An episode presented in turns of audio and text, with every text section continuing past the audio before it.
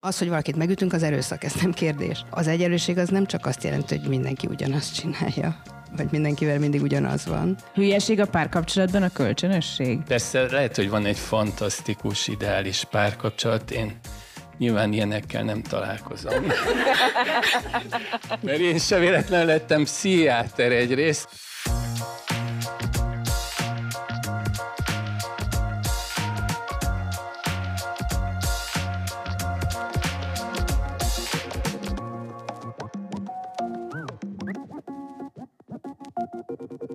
Szerintem mindenkiben rengeteg gondolat van ezzel a filmmel kapcsolatban. Én most nem először láttam, nagyon érdekes egyébként több egyszer egy kicsit más szempontból megnézni, vagy megpróbálni felcserélni szereplőket, vagy szóval nagyon sok lehetőség és játék van benne. Van most körülbelül egy fél óránk, úgyhogy vázlatosan fogunk róla beszélni. Szerintem pszichológiával foglalkozóknak ez a film egy kincses láda, tehát nagyon sok mindent lehet benne elemezni. De most az Annához fordulok az első kérdésemmel, Betlen Annához, mert kint azonnal belecsaptunk, és arról kezdtünk beszélgetni, hogy ami történik, ami a bírósági tárgyaláson kiderül a hangfelvételről, hogy ez családon belüli erőszaknak nevezhető el. Ott pohártörés van, ütés van, bántalmazás, önbántalmazás, ugye mindezt csak elmondásokból tudjuk, illetve hát van egy halljuk. folyamatosan, vagy halljuk, és, és van egy folyamatosan fennálló viszony a két a házastársak között, szóval, hogy ez egy családon belüli erőszak felvázolása? Szerintem ez a ö, jelenet, amit ottan csak hallunk, és ami aztán a fő jelenetévé válik a, az egész konfliktusnak, ö, ez nem egy igazi családon belüli erőszak jelenet. Tehát ez nem az az eset, ö, amit olyankor tapasztalunk, amikor, tehát amikor bántalmazásról beszélünk, mert az egy szisztematikus, hosszú időn áttartó, következetes és célra törő viselkedés az elkövető részéről. Az egy hatalmi viszonynak a, a fenntartását, megteremtését, kiszélesítését, stb. szolgáló magatartás. Bár sokszor az szokott történni, amikor egy ilyen jelenséggel találkoznak szakemberek, vagy akár csak a környezet, hogy a hogy úgy próbálja magyarázni, mint amit mi, mi itt láttunk, hogy egy hirtelen egyszeri esetben oda csapott dühében, kétségbeesésében nem tudva tartani magát. Tehát így szoktuk leírni, vagy szokták leírni ez, ezt a, a jelenséget, és, és menteni ezzel, vagy magyarázni ezzel az elkövetőnek a tettét.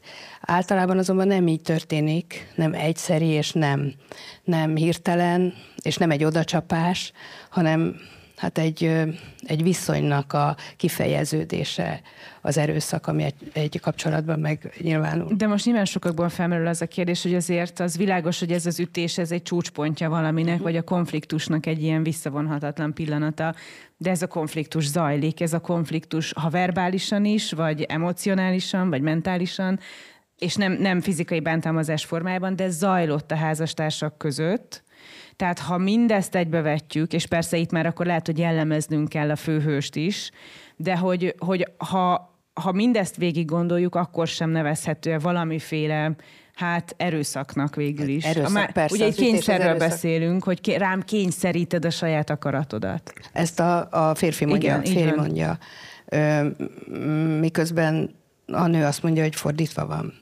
Tehát ha már a, a családon belül egyenlőtlen hatalmi viszonyok megnyilatkozásáról beszélünk, ezeknek például fontos összetevője szokott lenni a, a másiknak az elszigetelése az eredeti környezetétől, valahova valamilyen virtuális vagy valódi térbe való bezárása. Itt például speciál a férfi zárta be magukat ebbe a, a térbe, de ezt a nő csak hát úgy, ér, úgy értelmezte, hogy ő itt feladott valamit a férfi kedvéért, de nem érezte kifejezetten elnyomónak, vagy olyannak, amit ő ne tudott volna megoldani, vagy ne tudott volna vele együtt élni. Mondom, az, hogy valakit megütünk, az erőszak, ez nem kérdés. Világos. De ezt nem akarom tagadni, de, és kétségtelen, hogy düralmot kapott meg, mit tudom én, elvesztette a fejét, meg oda csapta a poharat a falhoz, stb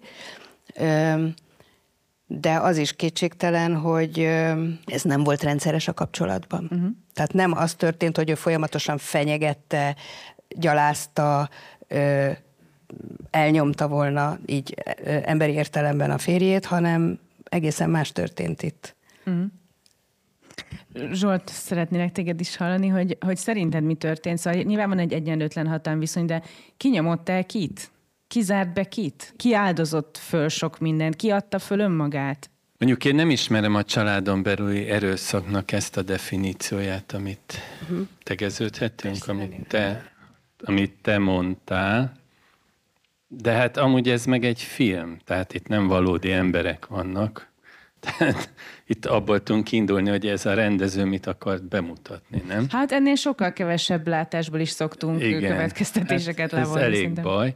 Tehát mondjuk nem, nem létező személyekről nehéz mondani bármit, mert ők nem léteznek. Nekem az a véleményem arról, hogy ez a rendező hogy mutatta be ezt a férfit, meg ezt a kapcsolatot, hogy ami nagyon érdekes volt nekem, tehát kezdjük ezzel a 50 centes dallal, aminek nincs rajta szövege, de az egy striciről szól, aki azt mondja a csajának, hogy vagy ott egy csajnak, akit fel akar szedni, hogy kis vidéki hülye csaj, nem érdekel, hogy, hogy kursz, vagy minden, nekem a pénz kell, ami belőled származik, és van még pár kurvám, akiből jól megélek. Valami ilyesmiről uh-huh. szól az a szám.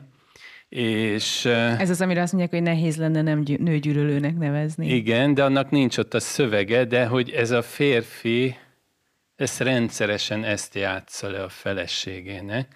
És hát a pimp, tehát ez a strici, az köztudottan egy ilyen, vagy a pszichológiába, az ilyen kisfiú, aki az anyjából él. Uh-huh.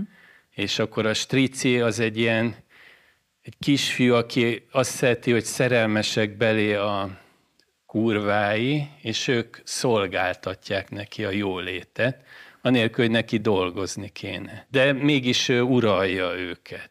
És hogy e, egy ilyen zenét hallgat ez a férfi baromi hangosan, nyilván a feleség, aki egy művelt nő, tudja, hogy miről szól ez a szám, és neki ezt kell hallgatnia. És aztán ebbe a veszekedésbe is ő egy ilyen kisfiúként mutatkozik, aki a feleségét vádolja azzal, hogy amit ő nem csinál meg a saját életébe, és őt hibáztatja. Nem tudom, hogy családi erőszaknak minősül-e jogilag, de ez egy ilyen érzelmi bántalmazás egy párkapcsolatban, amikor az egyik fél saját életét nem tudja úgy vinni, ahogy szeretné, eleve kiválaszt párnak egy olyan nőt, aki egy írónő, aki helyette ír egy ideig, de aztán rájön, hogy ő még mindig nem írt, és akkor őt bántja azért, hogy tehát ezt mi egy, úgy nevezzük egy párkapcsolatban, hogy valaki egy ilyen a személyiségének a protéziseként használ egy másikat, hogy író akar lenni, és összeszed egy írónőt, és aztán élvezi, hogy a része egy írónő, de aztán valahogy szembesül, hogy ő magam ettől nem lett író. Mm. És hogy ezzel bántja folyamatosan a partnerét, hogy ez, ez szerintem egy érzelmi bántalmazás, és én úgy láttam ebbe a veszekedésbe, hogy ez a nő rendkívül türelmesen és nagy önuralommal kedvesen meg akarta nyugtatni ezt a férfit, aki ezzel a problémával küzd. Akkor egy picit hadd provokálják, mert az túl, túl uncsi lesz, ha mindannyian egyetértünk mindenben.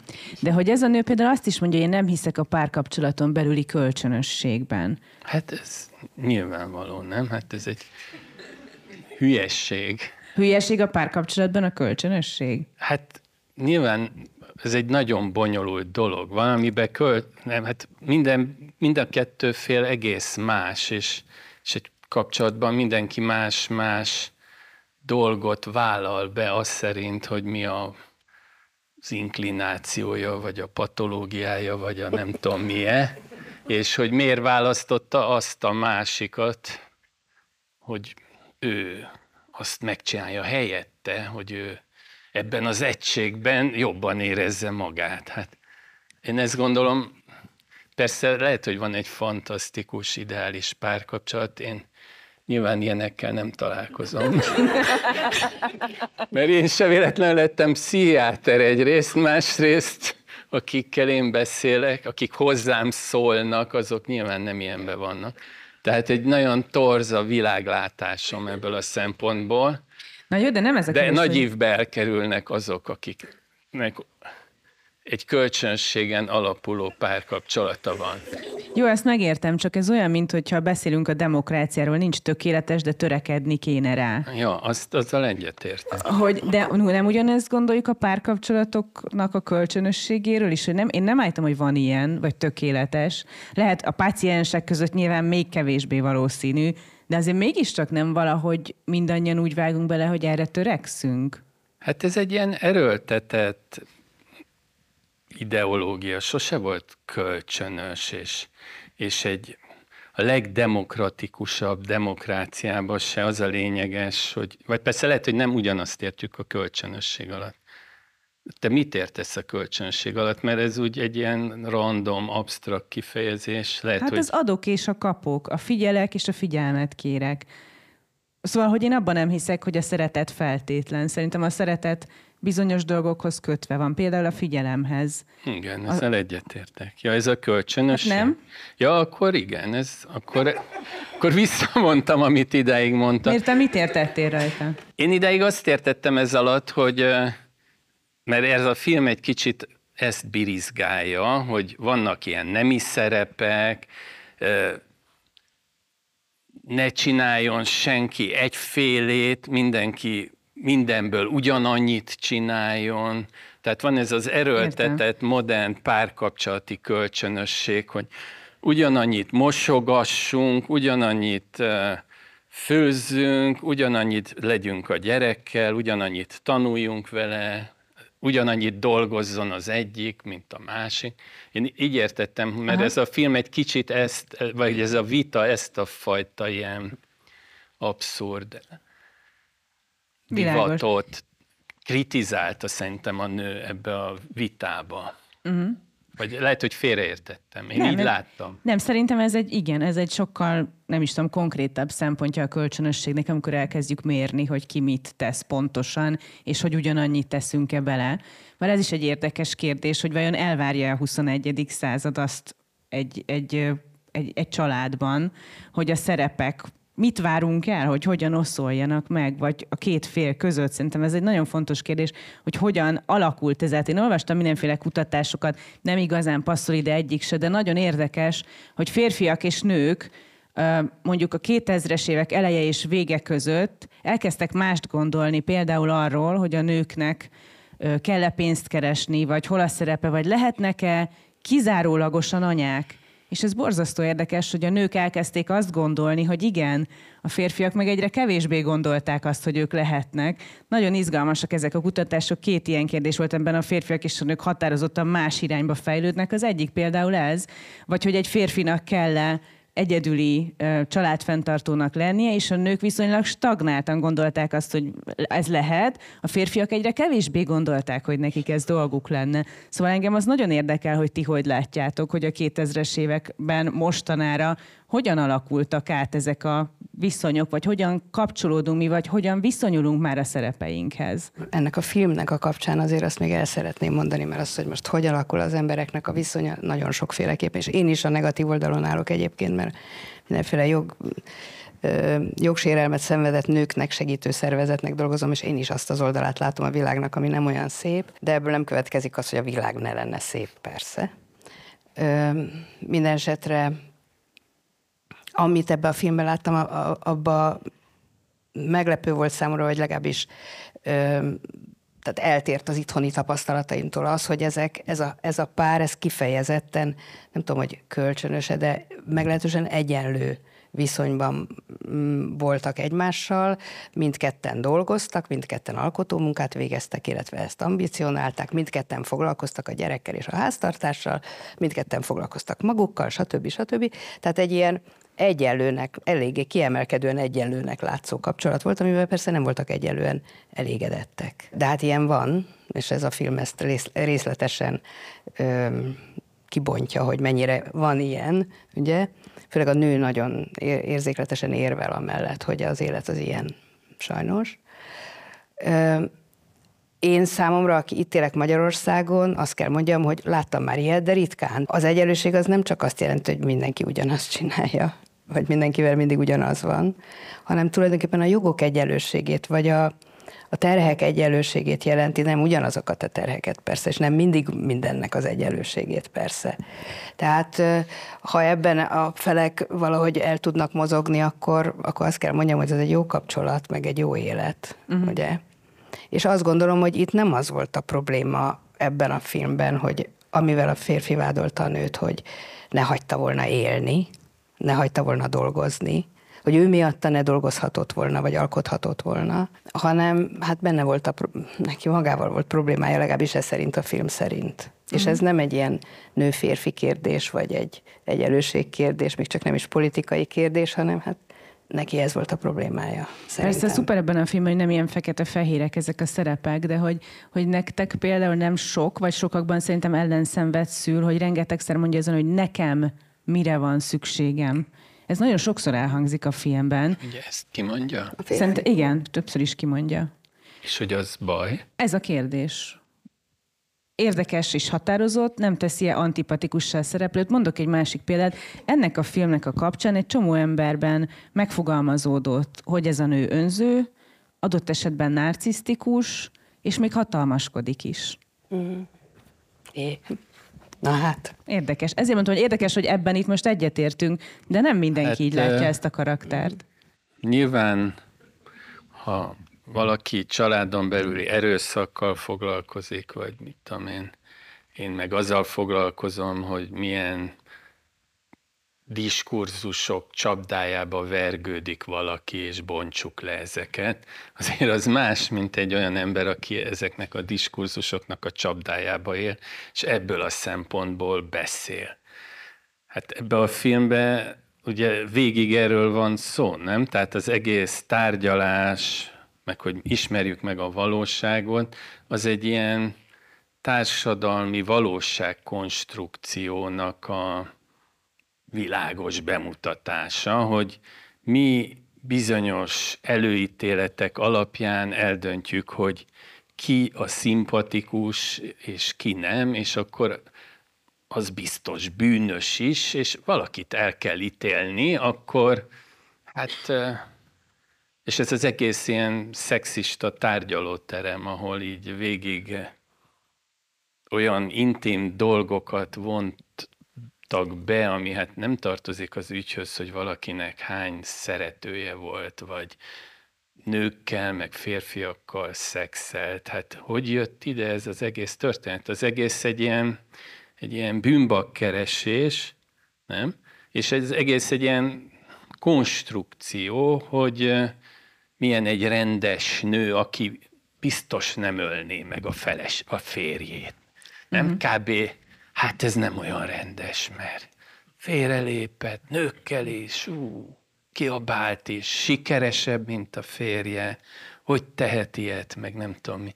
Tehát, hogy ezek voltak a nagy érvek, nem? Igen. Amik egy ilyen, ami hát ugye nem értünk, mert mondjuk ott Franciaországban mi van, vagy én nem éltem ott, de hogy eleve ott egész mást jelentenek ezek a szavak, mint ahogy te mondtad itt Magyarországon. Igen, de közül meg pont ez, amit te most idéztél, hogy a tárgyalóterem szexista. A tárgyalóterem az a, az a társadalom, tehát nekem az az érdekes csapda jelenik meg ebben, és nem tudom, hogy ehhez csatlakoztok-e vagy nem, hogy sokat beszéltünk az egyenlőségről már. Sokat beszélünk arról, hogy kinek mi a dolga, hogy mit lehet átvenni, hogy hogyan lehet jól elosztani feladatokat, és amikor ez megtörténik, mert ahogy ti is hangsúlyoztátok ebben a, ebben a párkapcsolatban megtörtént, akkor azért a társadalom nem felhőtlenül boldog ezzel, hogy megtörténik, és mégiscsak egy ilyen szexista diskurzus közepén találja magát, aki élni mer azokkal a szabadságjogaival, amiért évtizedek óta küzdünk. Tehát nekem a tárgyalóterem pont ezt a csapdát jelenti, hogy nagyon sokat beszélünk róla, de valójában, ha megvalósul, antipatikussá válik az az ide, amiért küzdöttünk. Ezen elgondolkoztam, hogy ugye van ez a patriarhátus, ami valahogy kialakult, és leosztotta a szerepeket, és eldöntötte, hogy ki mikor jó fej, nem? Van ez a diskurzus.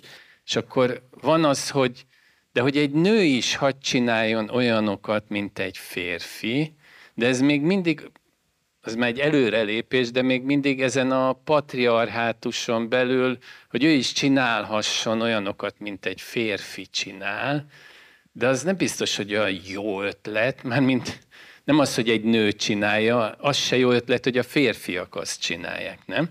És akkor még hol vagyunk attól, hogy létrehozzunk valami olyan szerepeket, ami tényleg értelmes, és kívül esik ennek a patriarhátus féle kultúra által leosztott szerepdimenziókon.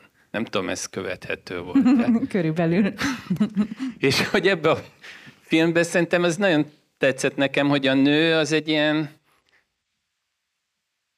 hát ez, és akkor itt jön az, hogy ő egy ilyen pöffeszkedő művész férfi szerepét lehet ráhúzni, de közben ő csak egy művésznő, aki csinálja a dolgát, és sikeres, de te már azt mondod meg a nézők, hogy ő pont olyan, mint amiért egy hogyha egy férfi szereplő lett volna, utálnánk, hogy na ez a hülye narcisztikus művész, akit ott közben én meg a gyerekkel leisztolok, meg iskolába járatom, meg minden uh-huh. a rohadék. De aztán egy nő játsza ezt el, azért meg utálják ezek szerint bizonyos nézők ezt a nőt, aki úgy viselkedik, mint egy férfi, de közben ő nem úgy viselkedik, mint egy férfi, hanem egy nő, aki szeret valamit csinálni, abban sikeres, és azzal hozzájárul a családi büdzséhez, és sikeresebb lesz a család, mert a felét állítólag kihozta a költségvetésnek. Egyrészt igen, de másrészt a nagy jelenetben, ha fölcseréljük a szerepeket, amikor ők vitatkoznak, ha megpróbálnánk úgy meghallgatni, hogy a női szövegeket mondja a férfi, a férfi szövegeket a nő. Az egy tipikus az magyar egy tipikus. helyzet. Na de ez az, látod? Tehát, hogy azt mondjuk, hogy ez egy tipikus magyar helyzet, de attól, hogy a szerepeket fölcseréljük, már idealisztikus. De bocsánat, válik. elnézést, nem tipikus magyar helyzet, mert a tipikus magyar helyzet úgy is van. Itt viszont nem volt úgy. Itt csak mondják. Tehát a, mármint, hogy a, a férfi itt mondja, hogy ő el van nyomva, és nem hagyják élni, neki kell a gyerekkel foglalkozni, de ez nem igaz. A film szerint legalábbis. Tehát lehetséges, hogy a tipikus magyar helyzetben, ha meghallgatjuk ezeket a standard női férfi dumákat, és mögötte ott van a valós helyzet, hogy valóban a nő nem tehet más, mint hogy a gyerekek körül ö, ténykedik, és nem dolgozhat, és nem tudja csinálni a dolgát, míg ezzel szemben a férfi éli világát, és még félre is kefél, tehát izé, de itt nem ez van, hanem itt az van, hogy úgy tűnik számomra egyrészt, hogy mindketten ellátják a gyereket, a nőnek nagyon jó, és legalábbis a filmábrázolása szerint nagyon bensőséges és szeretettel, és azt nem lehet csak úgy leakasztani, azon dolgozni kell. Ugye ez, tehát ez, ez megvan. Ellenben a férfi még plusz kisajátítja a gyereket azzal, hogy homeschooling csinál vele, tehát csak hetente kétszer jár a gyerek iskolába, ő valójában magáévá teszi a gyereknek azt a nevelési feladatot, oktatási feladatot, mindent. Nyilván arra hivatkozva, hogy a gyereknek látási nehézségei vannak, és ezt a nő nem akadályozza, nem is nem is bírálja, de ez az ő projektje, hogy ő otthon van a gyerekkel sokat tulajdonképpen azt akarom mondani, hogy ezek után ő ebben a vitában azt rója föl a feleségének, hogy miattad nem tudok alkotni, mert nekem kell a gyerekkel lenni, és erre azt mondja, hogy hát ezt te akartad. Te csapdád. Igen. Tehát ez a normál, normál veszekedési szituációban sokkal több a valóság alapja egy ilyen állításnak, uh-huh. legalábbis mi nálunk. Nekem még azt tetszik ebbe a gyerekben, hogy ő a mint egy ilyen típusú kapcsolatban minden rossznak a forrása. Mert hogyha nem tudom, ismernek-e ilyen párokat, ilyen értelmiségi, tehetséges emberek, akik eh, elhivatottak valami iránt, és hogy ezekben a kapcsolatokban nagyon gyakran minden rossznak a forrása a gyerek, mert hogy vele tényleg kéne foglalkozni, és és persze ezek, ez egy ilyen kulturált ember, nem bánik rosszul a gyerekével, de ebbe a filmben nagyon jól előjött, hogy mennyire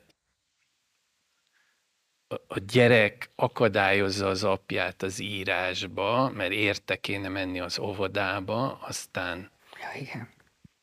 aztán me- megsérül a gyerek, hát ennek ha ő megy ért az óvodába, akkor is elütheti egy motoros, szóval ez egy teljesen magára vett fikció, hogy ő ezért bűntartot érez, és akkor utána is a gyerek a hibás mindenért, mert beteg, homeschooling, sokba kerül, stb., és kéne vele foglalkozni. Ez szerintem ez egy nagyon általános jelenség, hogy nem fér bele a gyerek az életbe. Hm. Nem tudom, hogy ezt tapasztalják-e. Nem. És hogy ez valahogy nincs így felvállalva, ez a sok elnyomott, mert nem szabad a gyerekről rosszat gondolni, ez a sok elnyomott gyűlölet, amit az emberek éreznek a gyerekeik iránt. Úgy érzed, hogy gyűlölet? Vagy hát vagy ez az ilyen... Inkább egy helyzet, nem? Ami... Hát ez egy ilyen e, nagyon erős érzés, ami nem pozitív. Én nem ezt vettem le ebből a filmből, az apa részéről inkább úgy ö, értelmezném a dolgot, hogy ö, maga előtt tolja a gyereket. Tehát annyiban igaz, hogy a gyerek a oka minden bajnak, vagy a bajok többségének, de nem gyűlöletet vagy elutasítást érez iránta, hanem hát mindent neki kell alárendelnem, és így maga előtt tolja, mint, mint valami hát paravát, de ne ezért nem tudok. de én, mint szülő, engem kirázott a hideg, hogy engedem a nagyon nagy mértékben látássérült gyerekemet, hogy egy ilyen teljesen rendetlen kutyával, nincs is rendes ilyen vakvezető öve, csak egy ilyen kis madzag, ami semmire se jó. Ilyen jeges, hegyi szakadékokba ennyi lehet sétálni, kisfiam, hát ha meghalsz. Kb. nekem ilyen volt ez az egész. Már bocsánat, lehet, hogy én vagyok ilyen ilyen túlféltő apuka, de én biztos, hogy ezt nem engedném a gyerekemnek. Menjünk oda-vissza, hogy ez film volt. Jó, de hogy a rendezőnőnek ezzel mi volt a szándéka? Gondolom ez, amit mondok, hogy ezt bemutassa, hogy ezek a szülők mennyire elhanyagolóak, mennyire lefoglalják őket a saját kis dolgaik. Egyébként erre rátok csatlakozni, hát mert ez nagyon mondjam... részletesen be van mutatva. Jó, de hát nem hiszem, Nekem hogy az, az egy horrorfilm jelenet sorozat volt. Ezt a fordulatot nem láttam jönni, de a nő elmondja, hogy intellektuális önzők vagyunk. Ki igen, mondja? Nem, hát igen, és igen. Nem, Végül is igen, és ebben nem fér bele semmi más. Jó, de azért azt is halljuk a papától akkor, amikor valójában, mint a gyerektől megtudjuk, lényegében önmagáról beszél, és a saját leendő haláláról, hogy a kutya minden mozdulatodat figyeli, és vigyáz rád, és gondoskodik rólad, és amíg itt van, addig nem eshet semmi bajod.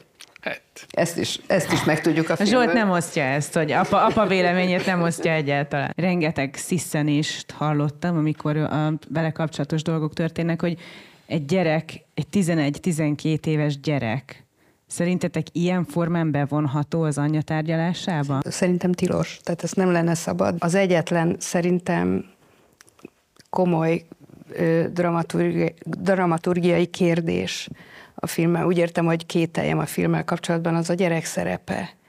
Tehát egy olyan megoldással ö, helyezik vissza a nőt a jogaiba, amit teljesen irreálisnak tartok én.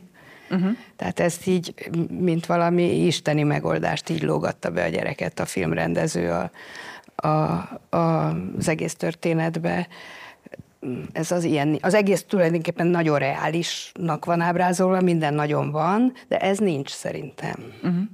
Azon kívül nem is helyes egy gyerekkel ezt csinálni egy tárgyalóteremben, hát ez de ez már tényleg más mit kérdés. lehet egy gyerekkel, igen, igen, meg mit nem. Ő szerintem a következő páciense a rengeteg pszichológusnak. Tehát az élete hátra lévő része az pszichológusoknál telik majd valószínűleg. Végül is volt ez az egzisztencialista kísérője, aki elmondta ezt az egzisztencialista pszichológiai dumát, hogy döntened kell, a rést, azt a saját döntéseddel kell betölteni. És hogy a te döntésed meg fogja határozni, hogy mi lesz a te valóságod, és a kisfiú utána járt és döntött egy olyat, ami neki jó, és akkor szerintem ez, ez nem a neurózis melegágya, hanem egy ilyen, nem tudom, szerintem inkább a másik oldalra fog kerülni, aki miatt másoknak kell majd terápiába menni. Nekem az a gyanúm. Igen, ez is lehet. Aki ilyen döntéseket meg tud hozni, az sajnos valami politikus lesz. Jó, hát nagyon szépen köszönöm.